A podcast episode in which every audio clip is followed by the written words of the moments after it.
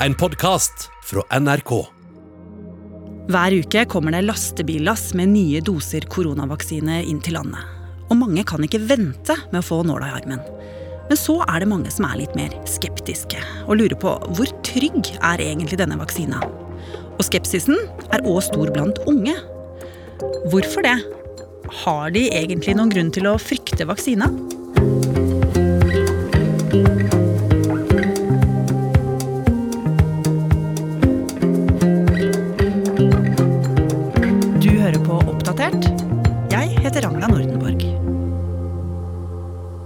Jeg vil beskrive det som en gledens dag, eh, den dagen vaksinen mot eh, dette viruset kom.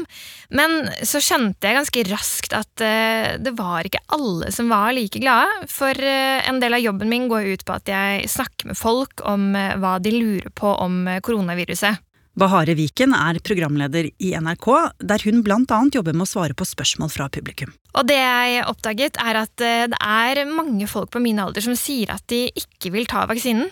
Og det er jo en jungel der ute. En miks av konspirasjonsteorier, selverklærte spesialister og eksperter om hverandre. Hva er det de du har snakka med, frykter? De tror at den er farlig og er usikre på hva slags langtidseffekter den eh, kan ha. Og etter hvert så begynner man jo selv å lure på om eh, den kanskje ikke er så safe. Så derfor hentet jeg inn eh, selveste Espen Nakstad, altså vår assisterende helsedirektør, til å svare på det. Og da jeg spurte han om bivirkningene, så fikk jeg et ganske tydelig svar.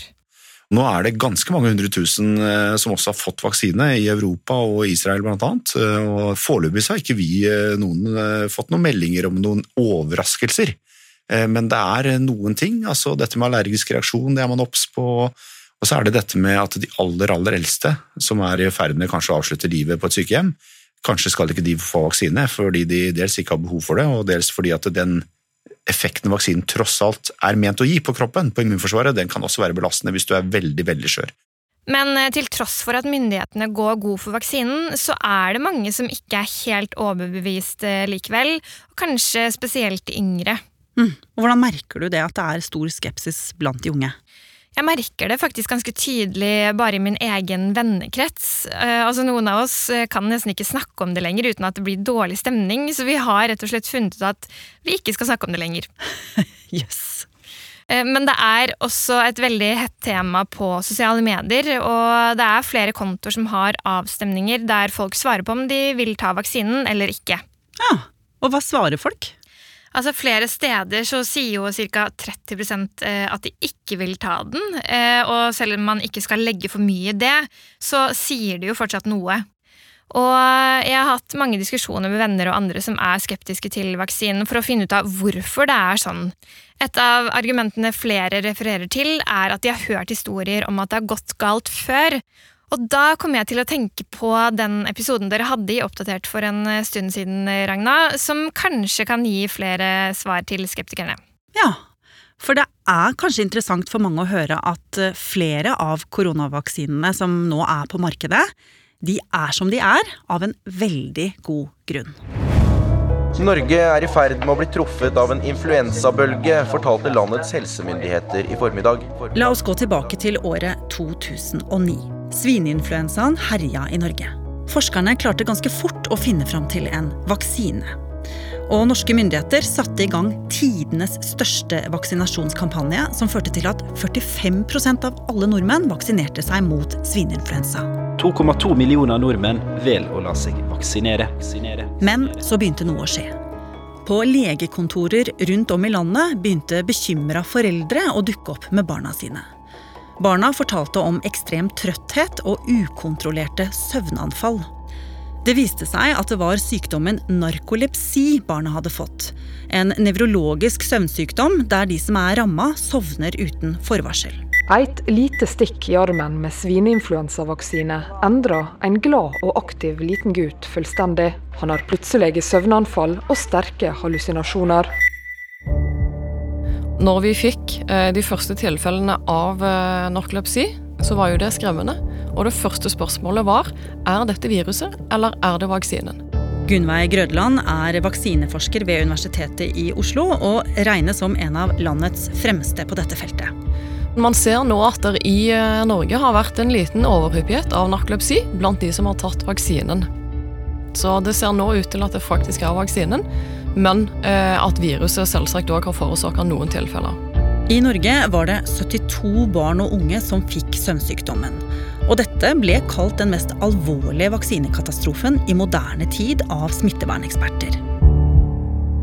Hva slags vaksine var det som hadde utløst dette, Gunnveig? Den konvensjonelle vaksinen som ble brukt i, eh, mot svineinfluensa, den inneholder drept virus og i tillegg en adjuvant. Og en adjuvant skal egentlig bare sparke i gang responsen litt ekstra. Og det som hadde skjedd da de putta dette middelet inn i vaksinene, var at vaksinen ble sterkere enn vanlig sesonginfluensa. Og det førte til at de som var genetisk disponert for å få søvnsykdommen narkolepsi, fikk kickstarta sykdommen av vaksinen. Så pga. denne svineinfluensaskandalen så bestemte forskerne seg for å se på nye måter å utvikle vaksine på, sånn at man skulle unngå at slike ting skjedde igjen. Ja. Og disse vaksinene går under fellesbetegnelsen mRNA-vaksiner. Det er den mest moderne av alle teknologiene. For den i utgangspunktet så skal det ikke kunne være noe galt med den. For du bruker bare ren informasjon. Du eh, får kroppen din til å lage vaksinen. Halva Sandberg er journalist i NRK Nyhetsavdelingen og dekker koronapandemien. Det er en fantastisk historie fra 11. januar i år. Kineserne har nettopp sluppet genomet til viruset, slik at hele verden kan se hvordan viruset er bygd opp. Og på kontoret til den amerikanske smittevernsjefen, Fauci, så skjer det noe. Han kaller inn alle folkene sine sier vi skal lage vaksine. Vi skal bruke mRNA-teknologien. Vi tar den lille biten som stikker ut av viruset, det som kalles spike-proteinet. Vi tar den, og så får vi kroppen til å lage kopier av den, og da er du vaksinert. For da reagerer immunforsvaret på den.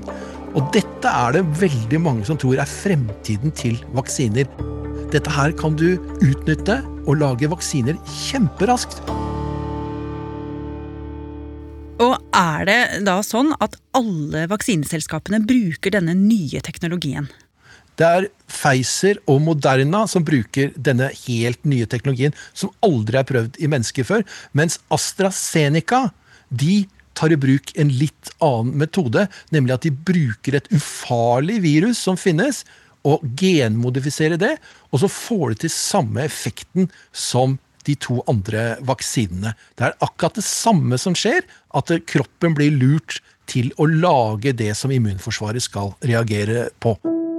Så teknologien nå er i hovedsak annerledes og bedre enn da svineinfluensavaksinen ble laget.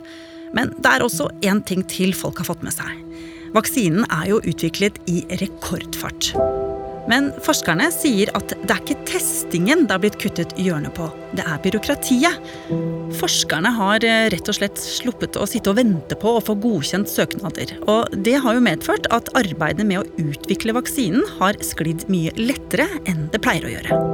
Men testingen har altså foregått som den skal, med disse ulike obligatoriske testfasene. Og dette her, som var fra en tidligere episode av Oppdatert, ville du at folk skulle få med seg, bare? Ja, eh, etter å ha sett hva veldig mange er bekymra for, så tror jeg at det her er veldig fint for folk å vite når man etter hvert får muligheten til å ta vaksinen, da. Men så kom det jo en nyhet til som kanskje gjorde folk litt bekymra. Eh, og det er at Folkehelseinstituttet har bestemt seg for at AstraZeneca-vaksinen ikke skal gis til folk over 65 år. Og det er jo sånn som får folk til å bli litt ekstra skeptiske, da. Så derfor sjekket jeg ut hva dette egentlig handler om, og grunnen til det er at vaksinen ikke er testet på så mange over 65 år, så for å være på den sikre siden, så vil de da ikke gi det til den gruppa. Og nå sier Folkehelseinstituttet at alle over 18 år kanskje vil få tilbud om første vaksinedose innen juli. Og i så fall vil alle som vil ha vaksinen, være ferdig vaksinerte i september.